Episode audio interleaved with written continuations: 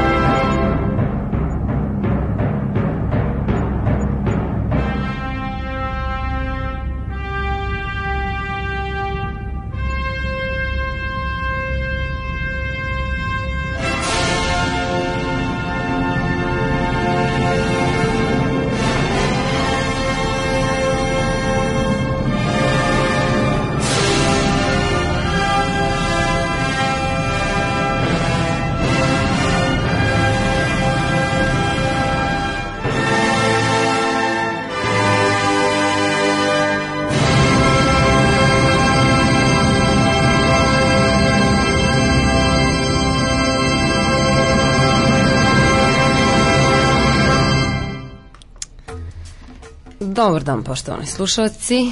Dobrodošli u još jednu epizodu vaše omiljene emisije Radio Galaksije. A mi, evo ga Milane, javljaš se. Čekaj da vidimo nešto si... Ne mogu da se...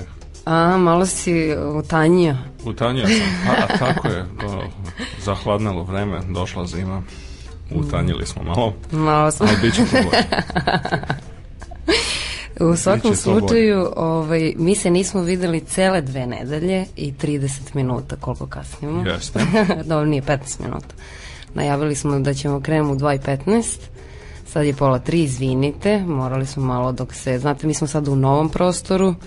Još se adaptiramo. Još se adaptiramo. Prva emisija u novom prostoru, u centru grada. ovaj, Milane, e, Za danas smo najavili, to jest ti si poslao teme prilično vesele i zvuče jako zabavno. Pa dobro. A prošle nedelje nisi bio tu zato što si Jeste. morao da ideš do Petnice. Jeste, zato što smo tamo organizovali seminar i to ne bilo kakav seminar, nego posebno mm -hmm. lep mhm. seminar. I nešto više o tome ćemo da čujemo, kao i o uh, vestima iz nauke, a ove a današnja glavna tema će biti studije budućnosti i to će, nadam se, ići u par nekih epizoda. Pa jeste, mislim, dakle, tu u nekom smislu reči to je velika tema, pa onda nije loše podeliti na više segmenata. To, to. Pa ćemo onda ove nedelje da se bavimo jednim od njih, a onda ako bude sve po planu i programu, mislim, narednih nedelja ćemo proširiti i produbiti Odlično. naše razmatranje istih, ali u svakom slučaju to je jedna vrlo aktuelna stvar. Odlično. E, a sada hoćeš da nam kažeš nešto više o tome šta se dešavalo u Petnici?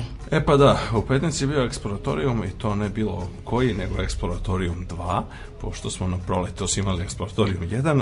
E, dakle, to je možda interesantna stvar, zaista može da bude, pošto smo se trudili da izvršimo neke eksperimente u pogledu E, načina na koji se e, problemi koji iziskuju jedan multidisciplinarni rad tretiraju u nastavi nauke. I sad, e, to je nešto čemu inače petnica treba da služi, a eksploratorijum je bio isprva zamišljen još pre nekih dobrih deseta godina, boga mi, kao neka ideja seminara koji bi okupljao najbolje polaznike sa svih pojedinačnih seminara, znači iz svih pojedinačnih programa kojih u Petnici ima, ako se ne varam, 14. Uh, e, ukupno, znači to su manje više on, nauke na koje smo navikli, podeljena su u, u tri odeljenja, jedno za prirodne, jedno za tehničke i primenjene i treće za društvene nauke.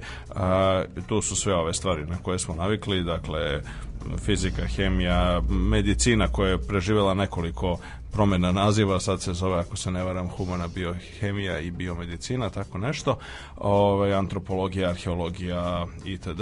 Istorija, e sad, znači, najbolji polaznici tokom prethodne godine i pogotovo oni koji su stariji, koji su kao što je danas nažalost ređe slučaj, ranije je bio češće slučaj, bili polaznici na više različitih seminara, znači imaju više različitih eksplicitno izraženih interesovanja, tako da ne, onda mi po nekoliko od njih okup, sa svakog seminara okupimo a, e, na eksploratorijum i sad tu treba da onda radimo nešto što je jasno i nedvosmisleno multidisciplinarnog karaktera.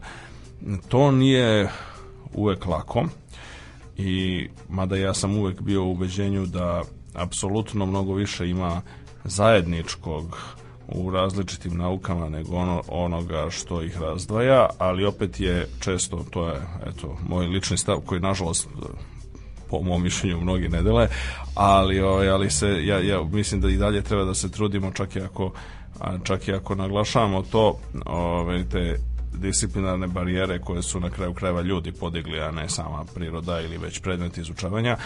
Opet treba da pronalazimo više stvari koje su nam zajedničke i u suštini to je onako jedne godine bilo bolje, jedne lošije, a od ove godine, znači 2009.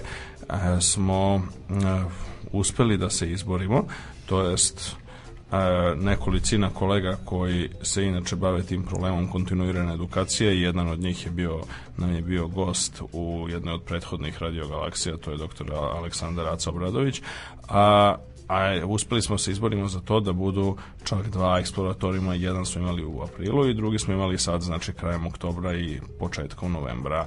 A, u aprilu smo se uglavnom bavili predavanjima onako u nekom klasičnom ex katedra obliku odnosno odnosno imali smo dosta raznih dosta uglednih predavača i dobro bila su tu živahne diskusije nakon toga a rešili smo da ovaj put kao u okviru tog generalnog plana da na eksploratorijumu 2 se pre svega težište stavimo na sasvim samostalni rad polaznika. E sad smisliti nešto do dobru temu za samostalni rad kad imate potpuno heterogenu strukturu strukturu prisutnih na seminaru je nije tako jednostavno, a mi smo radili nešto krajnje zabavno, to jest dešifrovali smo vanzemaljsku poruku. Aha. I, dakle, Aha. e, sad, to je donekle inspirisano po slavnom knjigom Stanislava Lema Glas gospodara koja opisuje baš dobar primer kako jednu, jednu opštu, da jedan background kako bi u jednoj realističnoj situaciji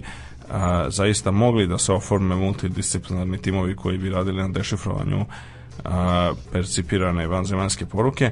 Ono što smo mi uradili jeste da smo naravno simulirali poruku i to smo uradili na više nivoa.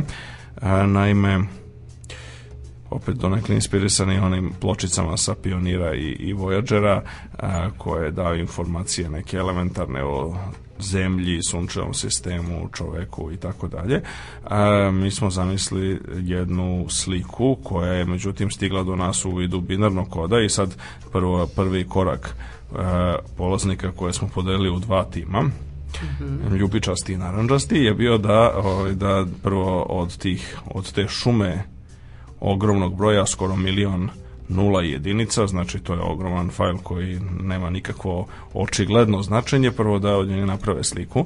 Kad su dobili sliku, onda su tu na slici videli neke čudne, neobične stvari koje je trebalo da protumače i oni su na tome radili. Sad naravno težina problema je bila prilagođena tome da je ipak mislim to seminar koji je trebao da koji traje četiri dana tako da ne, tako da u tom kontekstu vremena. u kom kontekstu mi nismo mogli mislim realističnije još realističnije bilo napraviti napraviti poruku koja bi Mm, koja bi bila zaista, koja bi isključivala nekoliko ključeva koje smo mi ubacili tu, mislim zove čisto da bi bilo moguće e, rešiti u realnom vremenu, na primer onaj atom, neutro, atom vodonika koji je grafički predstavljen na pločici sa pionira smo preneli gotovo, gotovo identično u lovu, pošto je to ipak nešto što je kao i recimo elementi periodnog sistema ili recimo prosti broj, već sama činjenica da je slika napravljena tako što eh, je signal raspoređen u nule jedinice raspoređene u mreži, odnosno u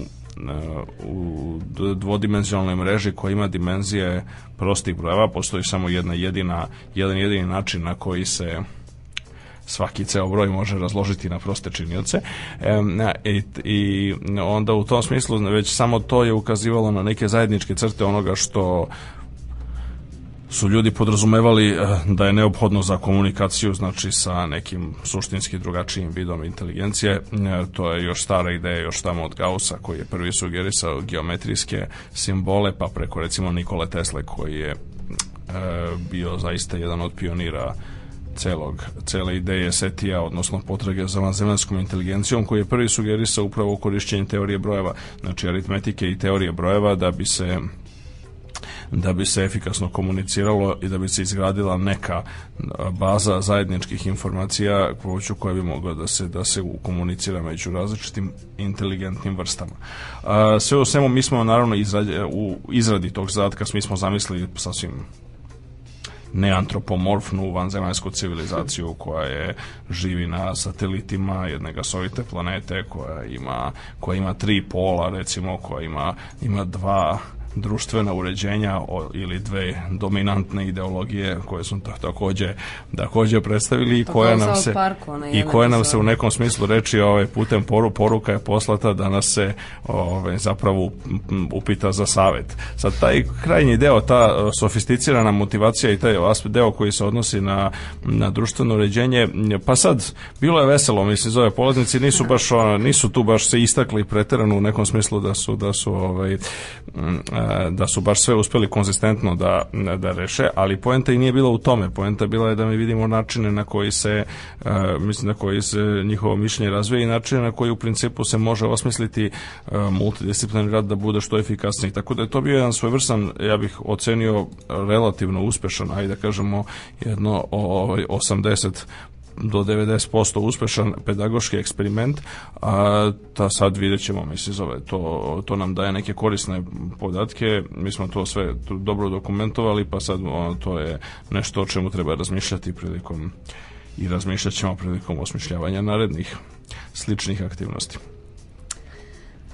Dobro, mislim, zvuči prilično zanimljivo. Pa, mislim, bilo je zabavno u svakom slučaju. A koliko je bilo učesnika? E, pa polaznika je, polaznika je bilo zapravo zbog stice okolnosti raznih onako dešavanja, na, pošto su veći deo njih brucoši, oni su bili o, četvrta godina srednje škole u, na proletosi, mm. većini njih su brucoši i sad zbog jeli, bolonskog sistema i tako dalje, došli, mislim, bilo ih je 14 na kraju, na, evo, a, a mi smo očekivali, mislim, zove, pa bilo je na prvom, na prolećnom je bilo 20 i 21, 22, čini mi se.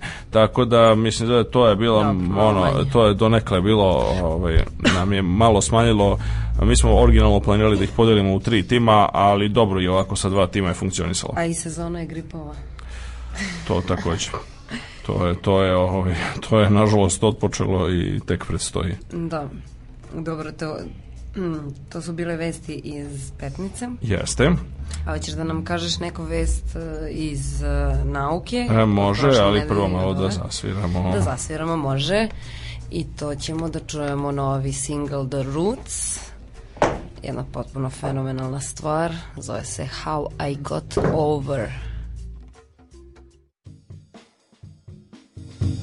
Oh.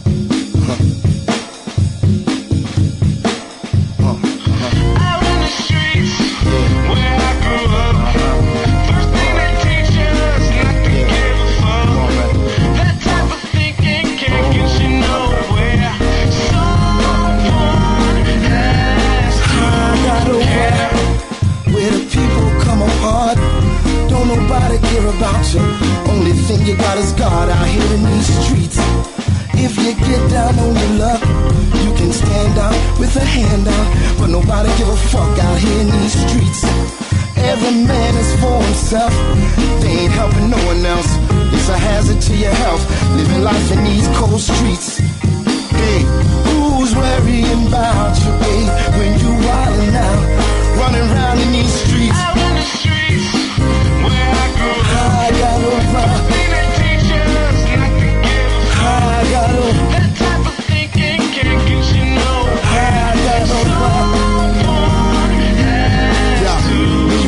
there's too much drama. Living with the police right behind you. It's always more than a slight reminder. We living in a war zone like Rwanda. Before I go back to the Heavenly Father, pray for me if it ain't too much bother. Whatever don't break me and make me stronger. I feel like I can't take too much longer. It's too much lying and too much frying. I'm all cried out cause I grew up crying. They all got a sales pitch I ain't buying. They trying to convince me that I ain't trying. We uninspired, we unadmired, and tired. and sick of being sick and tired. Of living in a hood with the shots of fire. We dying to live so the we dying, just like I am. Out in the streets, where I I got over. I got over. That type of thinking can't Somebody, somewhere. Somebody's gotta care. And I swear it isn't fair. suspended animation, we ain't trying to go nowhere. I in these streets. We're so young and all alone. We ain't even old enough to realize we're on our own, living life in these hard streets. Where it's like that lost in mind. Is there any way to find? Are we running out of time out here? Listen. Hey, who's worrying about you, babe, when you wildin' out, running around in these streets? Out in the streets, uh, where I grew up. I got over.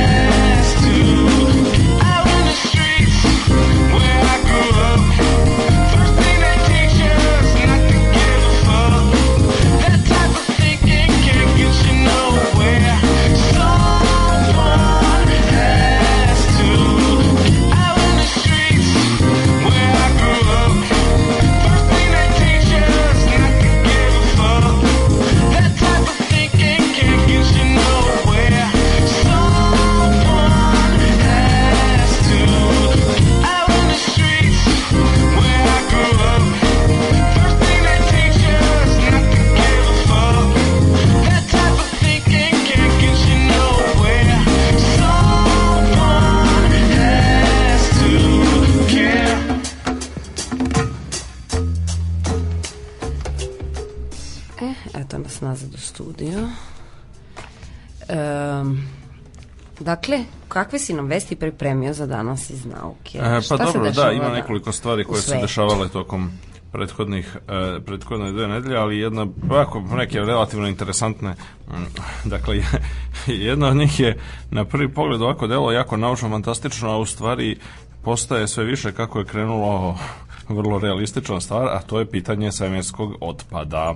I sad na neki način ljudi su znaju da otpad predstavlja generalno problem, a sad ovaj, svemirski ovaj, posebno sad otkud sad to. E, pa naime, evo, objavljena je studija, znači to ta, ovaj, danas bukvalno u rano zoru e, je objavljena u, u Londonu studija koja je ukazala da kako stoje stvari, možda je sad pravi trenutak da reagujemo u pogledu svemirskog otpada, jer što vreme više prolazi, to će biti sve ozbiljniji problem. Naime, kako stoje stvari, ova studija predviđa da će bliski susreti, kako se to eufemistički kaže, dakle, opasnosti od sudara znači, sa vrednim satelitima i manevri koji oni moraju da preduzmu da bi se takvi sudari izbegli, porasti za 50% u narednih 10 godina, a do 2059. znači u narednih 50 godina će, će porasti za, na a, više od 50.000 takvih bliskih hmm. susreta, da ne kažem za mala, su, sudara, nedeljno. U, I o, kako stoje stvari, a, problem jeste što je Nažalost, e, jako mnogo stvari se našlo u zemljinoj orbiti, što namerno, što slučajno, počevo od eto, ovih 52 godine od prilike od kad je lansiran prvi satelit, Sputnik 1, 1957. E, dakle, svemir jeste veliki, ovaj, ali ovaj oko zemlje koji je nama od koristi za, u, za razne komercijalne svrhe, pre svega za komunikacione satelite i druge stvari, a, je pa sad i on je veliki, a ne baš toliko veliki da bi moglo da se, da se bezbedno i neometano izbacuju razne stvari. Tamo ima svega i svačega, počevo od odbačenih ovih stepena više stepenih raketa, pa sve do potpunog onog garbidža kao što je, na primer, ne znam, a, rukavica, mislim, za jednog da, kosmonauta čuvena, da. onda, onda čitav niz drugih, znači, jednostavno, bukvalno, čak ima u bukvalnom smislu reči, mi se zove i vreća, sa, vreća sa smećem, što bi rekli iz orbitalnih stanica, tako da e, je problem u tome što, znači, sa povećanjem broja objekata generalno, znači, e, broj tih bliskih susreta se naglo povećava. E sad, bliski susreti se tehnički govoreći definišu kao, obje, kao prolazak objekta unutar 5 km, razdaljena od 5 km jedan od druga. E sad, to i neki rekli da je mislim jako jako je onako to liberalno shvaćeno pošto 5 km je mnogo veće nego što je dimenzija jednog mm objekta od te vrste, tako da i dalje, iako su oni u toj zoni bliskog susreta, oni se naravno imaju najveću vjerojatnoću da se ne sudare. E, međutim, pošto, se, pošto je ono što je u pitanju, znači oprema na satelitima veoma skupa, onda u suštini vi treba, vama treba jako dobre garancije da, jeli, da, da je rizik smanjen onoliko koliko je moguće. E, u većini slučajeva kada se zna za bliski sused, kada o, oni se prate, sateliti se, e, se prate na, na dnevnoj bazi i sa svi veći komadi đubreta se ljudi trude da prate koliko je moguće, ali, ali to je u principu o, još uvek mali deo objekata, kada se vidi bliski susred u budućnosti izračuna, onda e, većina satelita koji su dovoljno vredni je osposobljena da izvrši male korekcije putanjem, tako da izađe iz izađe dakle iz, iz te zone bliskog susreta. Međutim, ta korekcija putanje je jednostavno ono, komplikovana operacija koja zahteva vreme, veštinu i što je najbitnije koja košta para. Da. I sad kako stoje stvari, možda je možda ipak bolje ne zagađivati. Tako da, eto. E, naravno, kako, kako stoje stvari, e, dakle, e, prvi deo svemirskog doba i prvi 50 godina je bilo relativno e, rela, relativno je bilo nije bilo mnogo tih stvari pa onda je nije bilo nije imao smisla da se raspravlja ali kako stoje stvari počelo je da, da to predstavlja ozbiljnu opasnost dakle februara A, dakle, febru, u februaru ove godine došlo je do prvog a, ozbiljnijeg slučaja, odnosno ozbiljnijeg sudara, naime došlo je do sudara dva velika satelita, znači telekomunikacijalnog satelita u vlasništvu Iridiuma i jednog starog i nefunkcionalnog ruskog vojnog satelita a, koji su sudarili iznad arktičkog okeana i bili su uništeni u sudaru. E sad, to što su oni uništeni, aj sad, jeste neka Manje šteta, više. se zove, ali ni pojada, nego je problem u tome što su oni generisali ogromnu količinu fragmenata. Mm. I sad fragmenti, mislim, od tog sudara, posebno pošto se oni od sudara više ne nalaze na jasno odredivim putanjama, mislim, to je svaki od njih je krenuo u nekom drugom smeru, pošto to mu nekako dođe definicija sudara, e, dakle oni su, od, fragmenti su, se kreću u različitim smerovima i u različitim pravcima i ishodno tome je mnogo teško pratiti ih. 2007. E, uze budi rečeno, Kina je izvršila jedan eksperiment koji je takođe generisao jako mnogo fragmenta, nažalost, mislim, oni su uništili sobstveni satelit raketom i pritom u, pri toj eksploziji je također generisano jako mnogo fragmenta. E, tako da kako što je stvari e, za očekivati je da problem a, postane sve veći i veći. Naime, čak i jako mali objekti mogu da izovu katastrofalne posledice, pošto su njihove relativne brzine kretanja prilično velike.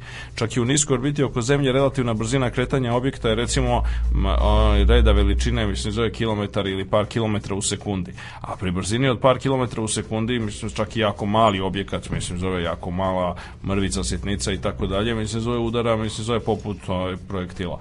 Tako da je u tom smislu je ta kinetička energija koja se oslobađa sa, sa, sa pri sudaru čak i malih malih čestica je dovoljno velika da uništi sofisticiranu opremu i to. Mm -hmm. Dakle, evo, čak je u martu mesecu ove godine došlo je čak i do vanredne situacije na e, međunarodnoj svemirskoj stanici kada je e, znači jedan jedan od komada tih tog space junka što bi se Djubreta. reklo, odnosno teminskog đubreta veličine uh, 1 cm ne znam, znači, e, znači veličine klikera ne je praktično uzrokovao uzbunu, odnosno došlo je do, e, do privremene evakuacije e, Međunarodne svemirske stanice zato što astronauti su se privremeno poevakuisali u ove, u ove svoje dakle module e, je zato što jednostavno e, je nije bilo jasno da li će se on da li će da li će on udariti u stanicu izazvati dekompresiju ispuštanje vazduha i tako dalje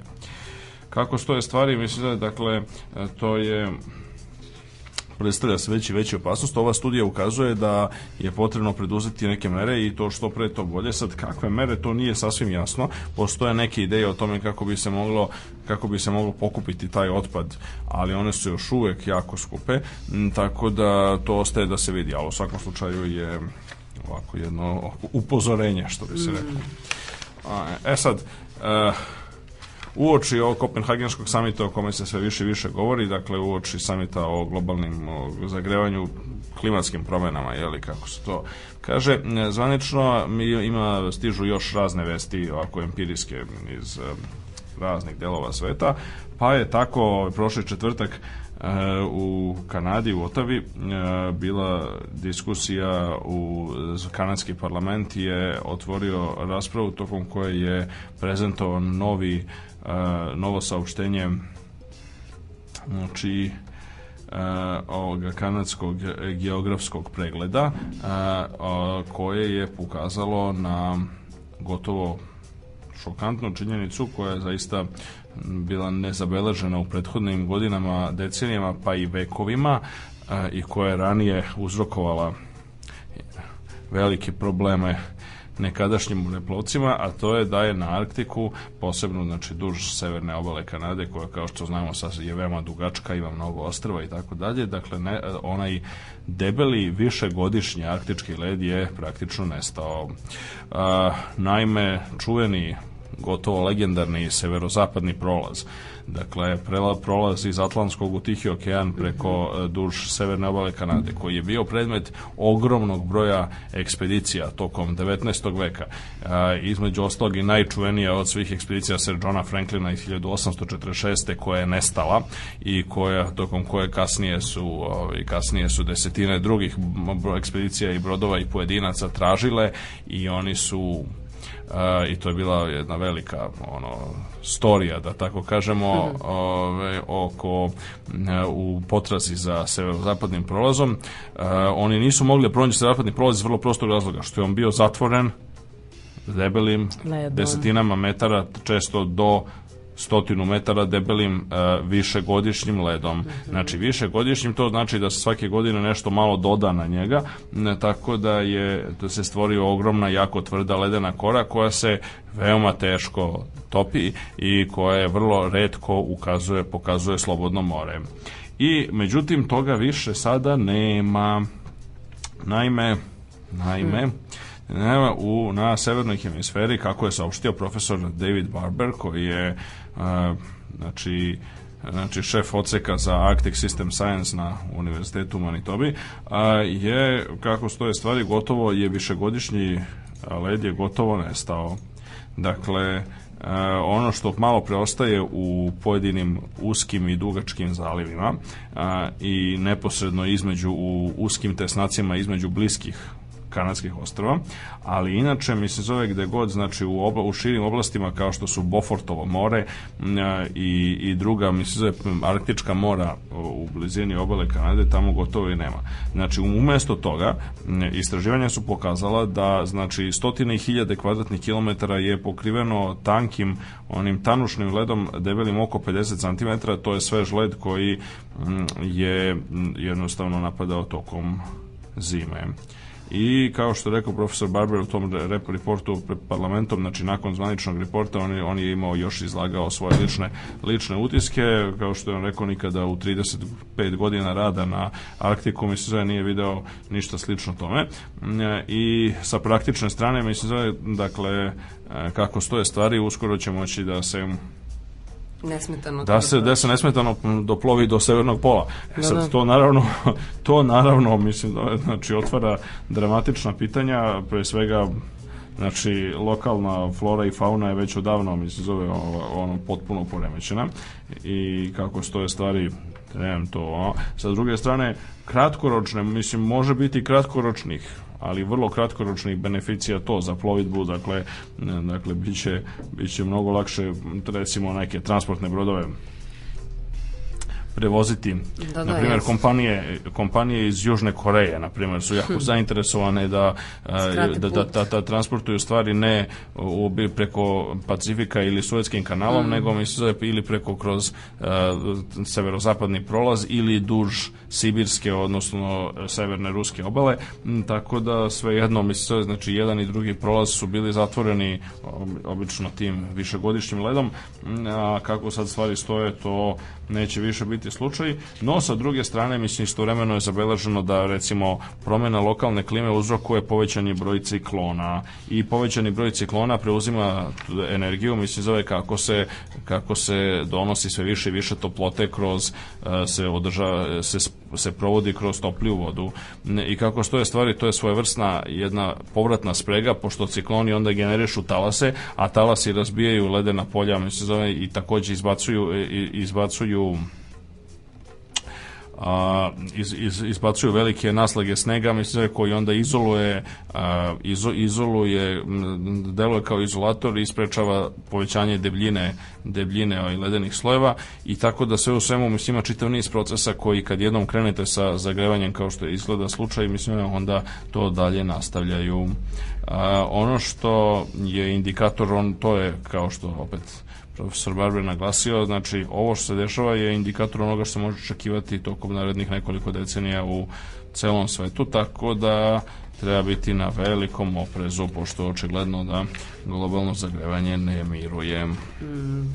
I sad vidjet ćemo šta će se, šta će se desiti u decembru za ovaj, u Kopenhagenu, to ostaje da se vidi, mislim da je da li će se naći nekakva čarobna formula koja će omogućiti da se zaista, evo već vidim, jedno vreme je vlada optimizam, sad se ponovo pojavili neki disonantni tonovi, e, tako da živi bili pa videli da li će uspeti, mislim, političari da se dogovore. Ono što je jasno da sa mm, ono, čisto naučne strane gledano, mislim, mi idemo u pute ka put katastrofe, a sad da li će se, mislim, zove političari opametiti i preduzeti nešto, to ostaje da se vidim. E, I sad još jedna ovako vest na razmeđi, što bi se reklo nauke, politike, biznisa i, i, i slično, nam stiže iz Njurka, naime i predstavlja vrlo interesantan presedan, ovako, sama vest je jako štura, e, pošto se radi o veoma kompleksnoj materiji, kompleksnoj mm -hmm. i sa stanovišta e, molekularne biologije i biotehnologije sa jedne, a prava i pravnih nauka sa druge. Naime, kako stoje stvari, u ponedeljak 2. novembra, znači prek, prekjuče, je Dakle, e, nastavljeno, e, odnosno nastavljen je sudski proces. Preciznije, mislim da je sudija, lokalni, ono, okružni sudija, što bi se reklo, district, district Raj Robert Svit je presudio da može da se, da je u skladu sa ustavom i pozitivnim zakonskim propisima da se nastavi e, proces po tužbi E, e, poznatog aclu odnosno American Civil Liberties Union, znači organizacije jedne, jedne najistaknutija, ajde da kažemo, nevladne organizacije za ljudska prava u Sjedinjenim državama, a, koja je znači e, koja e, osporava pravo e, kompanije Myriad Genetics i Univerzitetu Jute da patentira dva gena i sad nemam ovaj sad vrlo kontroverzna tema dakle sve u svemu dva gena koji su povezani sa nastankom naslednih malignih obolenja su znači ova dva subjekta, hajde tako da kažem, znači kompanija Myriad Genetics i a, e, e, istraživačka fa, fondacija Univerziteta Jute su patentirali pred, znači,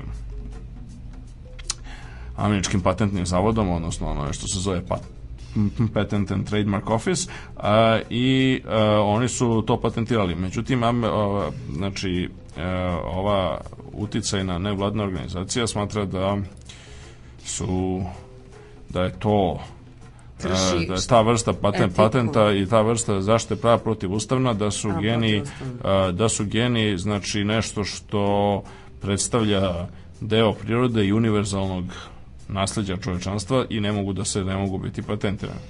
E sad, šta će tu biti, mislim da to ostaje tek da se vidi. Ovo je, ovo je samo prvi korak, naime, e, naime sudija je odbio da odbaci slučaj, zato što, mislim, zove je u obrazloženju na, napisano da, a, e, pošto je e, originalno, znači, tužene, tužena, tužene strane a, su tražile da slučaj a, dismisuje u, u startu, a, međutim, sudija Robert Svit je, je, je to odbio da to uradi, u, saopštio odluku u ponedljak, jer je, znači, u obrazloženju saopštio da ishod odluke može imati duboke posljedice na zdravlje miliona ljudi koji se suočavaju mislim zove sa, sa pretnjom raka kao i na čitavu budući e, tok biomedicinskih istraživanja. I tu je potpuno upravo. Ja mislim da mhm. apsolutno se nema... E, e sad, to naravno ne prejudicira ishod procesa, mi ne znamo kako će to sve u svemu da izgleda.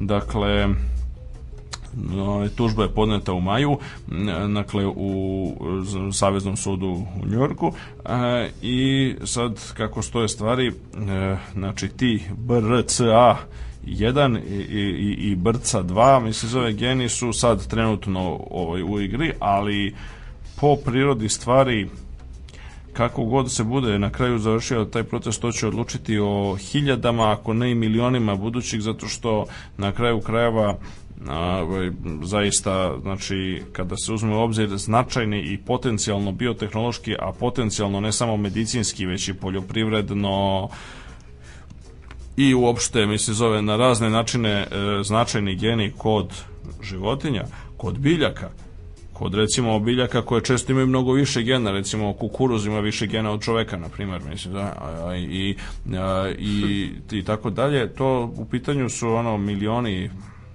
i ako ne, i, ako ne i desetine miliona različitih gena i sad kako će to dalje da se odvije, kako će to biti rešeno, to je nešto sasvim novo sa čim se verujem i e, pravna nauka prvi put suočava, pa sad ostaje da se vidi i da se prati kako to da. kako, će, kako će se to rešavati. Jasno, to mora da se međusobno dopunjuje. A mi ćemo malo muzičko pauzu. Jeste. Baš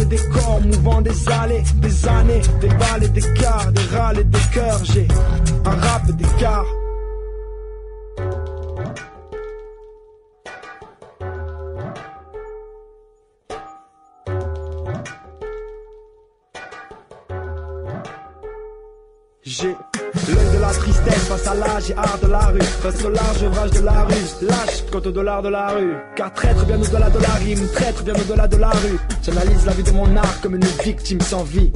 J'analyse la voix de son âme comme une vitrine sans vue.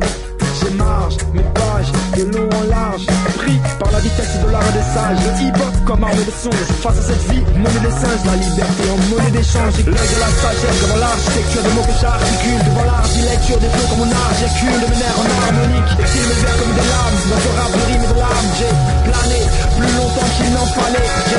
Les yeux des rivés, si tôt, si cette idée dessinée, si tard, et mon moi aussi croire.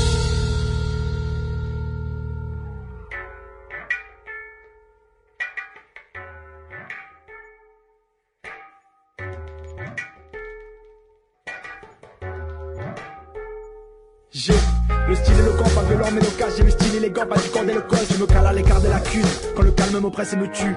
J'ai le style éloquent, pas violent, mais local. J'ai le style élégant, pas du corps d'éloquence. Je me cale à l'écart de la cune, quand le calme m'oppresse et me tue. Je suis qu'un, comme des cubes, mon corps qui décuve. Ça fait des cœurs, blessé, par une âme le cœur, laissé. J'ai des larmes de pierre, courante, comme mon arme de fer, sous l'ombre, comme mon arme de verre, courante, comme mon arme de fer, sous l'ombre, comme mon arme de fer. Je cale à l'écart de mes corps, de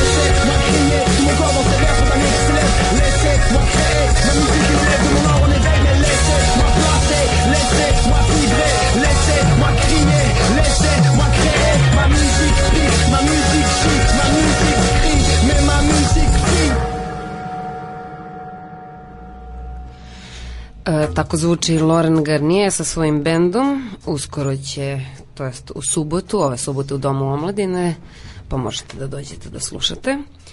A mi sada idemo na našu stranicu Facebook grupu Radio Galaksije da vidimo šta su naši e, verni slušalci tamo jeste, postovali. Jeste, mi ih pozdravljamo sve, dakle, mislim zove hvala svima koji se javljaju, mislim zove, znači to su neki stari i verni, mislim zove kao što je Ružica, Igor, mislim zove, ima sad i drugih, Vladimir, Emir i Nemanja i drugi, dakle, ovaj, sve srdečno pozdravljamo a, i nek nam se javljaju i dalje. Ono što je upalo u oči, mislim zove, da meni, jeste jedna onako fina ovako reklama, ali poučna i korisna, ovaj, dakle, to je za midove teleskope mm -hmm. koje nam je Vladimir. Dakle, e, e, ok, MID je jedna ozbiljna i dobra firma e, koja proizvodi teleskope, mikroskope i digitalne kamere, razne durbine i slično, znači raznu optiku koja je sad mnogo interesantna optika, čak i mala optika, čak i ova, kako bi se reklo,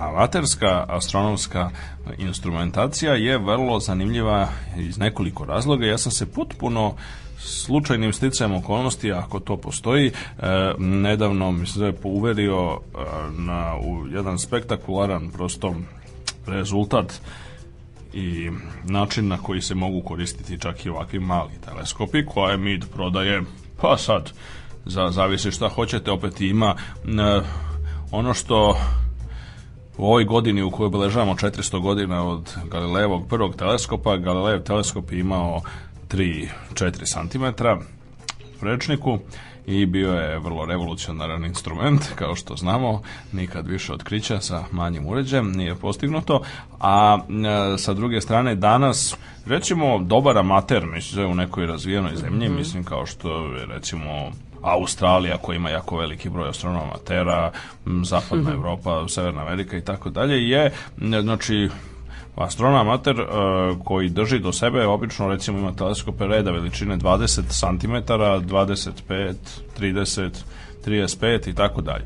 Ima do duše velikih ono, fanatika i ono, ljudi koji imaju i materijalnih mogućnosti, koji imaju u svom dvorištu teleskope i po pola metra, pa i veće, ja sam čuo, mislim, zove za jedan metarski amaterski teleskop, to je ovako neprovereno više ovako rekla kazala, mhm. ali, ovaj, ali, ali ima ih i naravno, pored samog uređaja vama u poslednje vreme, ako hoćete da se bavite stvarno kvalitetnim radom, znači čak i na, na materskom nivou kvalitetan rad podrazumeva između ostalog recimo ne samo mogućnost da vi zaista otkrijete kao što se dešavalo dosta često, e, bar do najskorijeg vremena, sad do duše sa razvojem ove automatizovane tehnologije, ovaj, to je ređi slučaj, ali recimo najveći broj kometa su otkrili amateri, recimo onda hmm. po nekoj supernovo i tako dalje, znači to je jedna stvar, druga stvar jeste da naravno astrofotografija, poznato je da kao jedan od žanrova fotografije, možda jedan od najrazvijenijih, a nije ni čudo zato što sama reč fotografija je originalno bila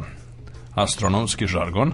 Znači, hmm. reč fotografija originalno je bila, mi se zove recimo, ono, znači, smatrala se slično kao, ne znam, kao što bi danas smatrali izraze, ne znam, pulsar i kvazar, na primjer, ili, ili tako nešto. Znači, Aha. bila je deo, mislim, zove strogo profesionalnog žargona. Mm, e, kada, od kada je prvi put skovao Sir John Herschel, znači, to je, on je bio astronomer royal, odnosno kraljevski astronom Velike Britanije, a i sin poznatijeg Viljama Heršela koji je otkrio planetu Uran.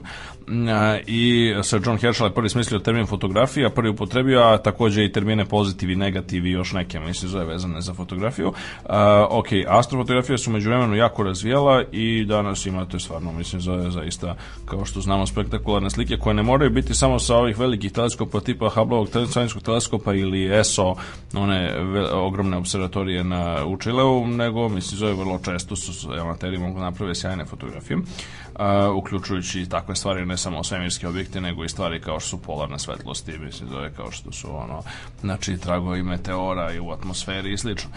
E sad, uh, pored toga trebaju vam znači te, znači treba vam ti detektori, znači danas su to uglavnom CCD kamere, E, ranije su to bile fotoploče, filmove i tako dalje, razne druge stvari, znači danas se i tu prešlo na digitalnu tehnologiju, on takođe ako hoćete naravno druge stvari da radite, onda treba da nabavite uređaje kao što su recimo ne znam fotometri, spektrometri, spektroskopi i tako dalje. To je već ređe. Ali to je što skupo, se kaže, da? to je već re, upravo zato te stvari su mm -hmm. obično mhm. skupe, to je već ređe. Mada opet kažem ima požrtvovanih ono fanova i amatera svuda, a ono što je interesantno jeste da u poslednje vreme se pojavljuju kolaborativni projekti gde zapravo sa u saradnju jako velikog broja astronoma, amatera, uopšte ljudi sa malim u instrumentima, sad nije važno tačno čak ni da li su to, mislim, zove recimo škole ili, mislim, zove, na primer, školske sekcije ili fakulteti i tako dalje. Znači, ako se možete budete deo neke od međunarodnih mreža koje posmatraju, ne, recimo, dugoročne fenomene ili one fenomene za koje vam je jednostavno potrebno, to je takva vrsta posmatranja koje je potrebno jako dugačko vreme, jako mnogo tačaka da se sa različitih mesta i onda za to nećete dobijete nikad vreme na velikom teleskopu mm. istraživačkom. Jasno, jasno. Znači, zamislite sad, recimo, na primjer, jedan dobar primjer je posmatranje uh, gravitacionih mikrosočeva. Povremeno, mislim, zove, pre, ako posmatrate neko zvezdano polje, dovoljno udaljeno, povremeno će jedna od zvezda Znači, nezavisno od njihove sobstvene promenljivosti, nezavisno to što svaka zvezda može da se menja. Ali jedna od zvezda će povremeno da e, sad će porasti i onda će na par sati ili recimo par dana i onda će isto tako i na potpuno identičan način da opade dok se vrati normalu. To je znak da je između nas i te zvezde prošlo nevidljivo gravitacijono sočivo. Ono što e, to se dešava. E sad, to se dešava tim tempom da otprilike ako posmatrate objekte recimo dovoljno veliko polje zvezda recimo posmatrate par miliona zvezda u na primjer velikom Magellanom oblaku otprilike vidjet ćete takav efekat jednomesečno. Mm. Za takav projekat niko neće da nam da veliki teleskop. Dakle, veliki teleskop, tu znači posle morate posmatrati ce, ceo mesec svake noći ili bar svake noći koja je vedra u najmanju ruku da biste, i to znači i više, da biste videli jedan događaj. E pa to ne može, mislim zove, to jednostavno veliki teleskopi ne služe za to i neće niko da vam da, mislim zove da koriste. Ali zato mnogo malih, mislim zove, može i tu mogu da se dobiju, mislim, da jako dobre rezultate. Onda dalje, ono upravo na što sam ja naišao bio jeste posmatranje tranzita ekstrasolarne planete. Imamo nekoliko, odnosno sad već i par desetina ekstrasolarnih planeta mm -hmm. koje su tako postavljene da one periodično prolaze ispred diska svoje matične zvezde i malkice je pomračuju. Znači malkice su one vrlo male u poređenju sa matičnom zvezdom, ali to je dovoljno da se može detektovati preciznim instrumentima. I postoji čitava amaterska asocijacija koju vodi jedan, jedan profesionalni astrofizičar, ali je organizovao, ali su to uglavnom ljudi amateri, dakle, koja se bavi posmatranjem, e, posmatranjem tranzita ovih ekstrasolarnih planeta.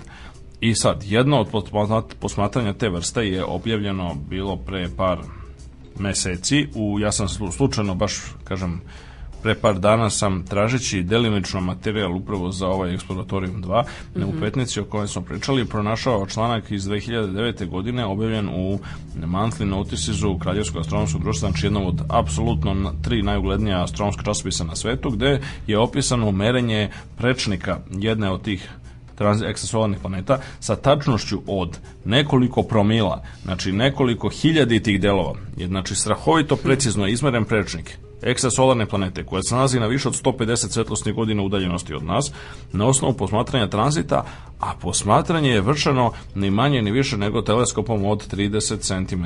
Znači malim teleskopom kao što su ovaj i to ja mislim jedan od njih je upravo mislim zove mid ove konstrukcije. I sad zamislite to, malim teleskopom doduše nisu posmatrali jako veliki broj tranzita pošto ta planeta se tako kreće, prolazi preko diska matične zvezde da ne, ne znam nekih otprilike Pa nije baš svakih 100 sati, ali otprilike recimo mi se svakih ono desetak dana, mi se zove otprilike mm, svakih desetak 15 dana mislim prelazi preko matiča. Oni su samo posmatrali dovoljno veliki broj tranzita i uspeli su znači dovoljno da redukuju grešku nakon što su posmatrali mnogo mm -hmm. mnogo prolazaka to. Mm, e, to znači da su posmatranje osnovno dugo trajala, ali su obavljena sa jako malim, šokantno malim teleskopom i dovoljno su visokog kvaliteta da se znači objave u krajnje autoritativnom istraživačkom časopisu. Tako da u tom smislu mislim da je ovaj MID i drugi proizvođači slični da. mi se zove znači Ali opreme, slučaju, znači i CAIS. je ovaj potrebno jako dosta strpljenja za Absolutno. posmatranje Absolutno. i i mislim predznanje takođe. Pa dobro, naravno, ali u, to, u tome to jeste... To nije tako jednostavno, pošto se se dešavalo više puta da, da budem u prilici da pogledam kroz tako neki Aha. mali teleskop i da prosto ne mogu ništa da vidim. zato što... E, eto vidiš. Zato što taj neko ko, iako je vedro, na primer potpuno crno vedro i, ovaj, i da bolje golim oko vidim više. Ali ne, to, i onda je to potpuno jasna stvar. Dakle. Ne, ne, ja naravno, mislim zove, naravno, potrebno je veliko znanje strpljenje, veština u krajnjoj instanci.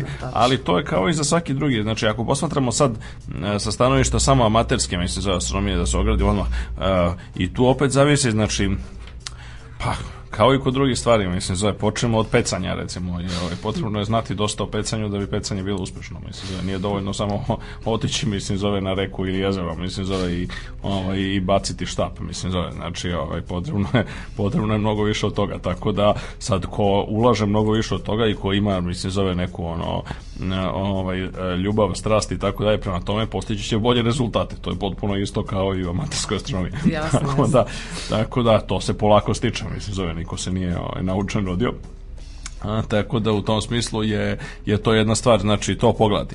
E onda dalje od korisnih stvari, se zove takođe, ovaj, takođe e, pozdravljamo i Emira koji nam je poslao, se zove jako lep link na ovaj, sajt na Jelskom univerzitetu gde je Open Yale Courses gde su m, mm, e, ljudi dakle stavili e, čitav niz raznih predavanja, okačili video snimke tako da ima jako zanimljivih stvari, to je potpuno u pravu, te u tom smislu ljudi gledajte i ovaj, šta god vas nešto zanima, o čemu možemo da pričamo pričamo u narednim epizodama Radio Galaksije, javljajte. Eto. Tako da to i nadamo se da će naravno, nadamo se da će da će linkovi uspešno funkcionisati, da će cela tehnika uspešno da funkcioniše u narednom periodu. Da, trebalo bi. E, jeste. E, ok, sad pošto, mislim, zove vreme e, leti Već, i da. zimi da. leti, a da, da. to je ono što je donekli jeste tema e, naša, a to je studije budućnosti, Studije a sad pre svega šta je budućnost, e, to je nešto što na, striktno govoreći moramo da, ne, e, moramo da definišemo poleći od, sami od sebe, naime nama se čini da vreme teče, kao smo pričali u, u, ne u jednoj, nego u nekoliko prethodnih eh, radiogalaksija, a, eh, u suštini fizičari bi vam rekli da vreme ne teče, da je to čisto naša subjektivna stvar, mhm. vreme jednostavno postoji kao deo jednog 4D prostor vremenskog kontinuma, ali to i dalje ne menja neka suštinska pitanja, to je činjenica da nama subjektivno, mislim, zove budućnost izgleda drastično sam koncept, način na koji saznajemo stvari izgleda drugačije od prošlosti, bez obzira što je i naše razumevanje prošlosti i naše razumevanje budućnosti, kao što se jako redko shvata van nekih, ajde kažemo, fizičarskih i filozofskih krugova koji se bave tom analitičkom filozofijom i filozofijom nauke, dakle vrlo redko se razume da znači i o prošlosti i o budućnosti saznajemo na isti način, to jest na osnovu samo današnjih današnjih empirijskih podataka, tako da u tom nekom smislu reči svaki eksperiment koji izvršimo je i svako posmatranje koje izvršimo je posmatranje u sadašnjosti. A hmm. ono što ako želimo da saznamo nešto sad do duše, e, tu postoji e, vrlo realna razlika o tome da li govorimo mislim, o nečemu što predstavlja recimo da blisku prošlost ili mnogo stariju, aj, da, aj sad da uzmemo u obzir, pošto ćemo se ovde baviti bar u ovom prvom delu naše priče, bavit ćemo se vremenskim skalama koja su jako velike, onda mislim saznati o tome šta se dešavalo pre milijardu godina u nekom smislu reči je metodološki jako slično onome što, znači, što nam je potrebno da bismo predvideli šta će se dešavati za milijardu godina, a to što mi ni u jednom ni u drugom slučaju imam, nemamo potpunu sliku stvari, odnosno imamo vrlo nepotpunu, nepotpunu percepciju, to e, i dalje e, ne, i to, to, to i dalje na neki način je suprotno onome na što smo navikli, a to je da mi e, razumevanje prošlosti i ono što je retrodikcija de facto, za to ne postoji. Za retrodikciju ne postoji nekakva adekvatna srpska reč, e, za predikciju postoji, to je predviđanje, jeli? a za retrodikciju koja je vremenski inverzna tome ne postoji. Tako da već to odražava na neki način činjenicu da mi imamo iluziju već u samom jeziku da mi o prošlosti znamo bolje nego u budućnosti. A hmm. zapravo jedno i drugo se podjednako oslanja na informacije i sadašnjosti. Eh, sad, kako da mi, znači šta je predviđanje? Pa predviđanje, opet kao što smo pričali u jednoj od prethodnih mm, radiogalaksija, predviđanje je suštinski zadatak nauke, znači eh, potpuno je znači eh, potpuno nasuprot nekim prevaziđenim ovaj, recimo pozitivističkim gledanjima na stvari da je cilj nauke otkrivanje nekakve istine, mi se zove, ili znači ono, ili ono, još često onako skrivene, skrivene istine ovaj, o, o, stvarima. Ne, naprotiv, cilj nauke znači objašnjenje fenomena, a objašnjenje fenomena se postiže kroz razvitak teorija, a razvitak teorija je moguć, odnosno moguće od, razdvojiti prave teorije od loših samo na osnovu njihovih predviđanja mm. i na osnovu odbacivanja predviđanja loših teorija, a privremenog prihvatanja predviđanja boljih teorija i tako da nazovemo. Sad, to, toga ima primjera u istoriji nauke koliko hoćemo i to nije ništa novo. Dakle, antički Tales iz Mileta je tobože znači po legendi priči koja se slabo može razlikovati od legenda što nije sasvim jasno predvideo mm, pomračenje sunca do kojeg je došlo mm, na samom početku 6.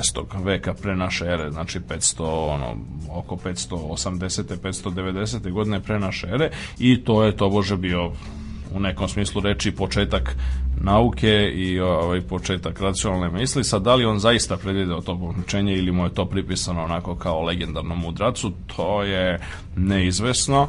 Ima um, mnogo ljudi, uključujući jednog od najvećih istoričara antičke nauke, antičke astronomije, Ota Neugebauera, koji smatraju da on jednostavno nije imao adekvatan matematički aparat da, da predvidi, nije mogao da predvidi to. Mm, e, Kasniji, naravno, antički astronomi su mogli svakako, znači mm. ljudi kao što su Hiparh, iz Nikeje, Aristar sa Samosa, Ptolomej Jaratosten, mislim da oni su bili u stanju da makar grubo predviđaju pomračenja sunca i meseca i to je bio jedan od glavnih razloga zašto je izgrađen, izgrađena oba dva rivalska sistema sveta i geocentrični i heliocentrični zato da bi se obezbedilo potpunije predviđanje tih periodičnih pojava. Mm -hmm. E, ali, znači, ista ta nebeska mehanika, hajde da kažemo, koja je zasnovana na nekoj fizici, bila ta fizika aristotelovska fizika kao u geocentričnom slučaju ili Newtonova fizika kao u ovom heliocentričnom, savremenom, da kažemo, slučaju, omogućuje i predviđanje ne, stvari koje nisu periodične, koje su potpuno nove. Recimo, predviđanje postojanja novih planeta.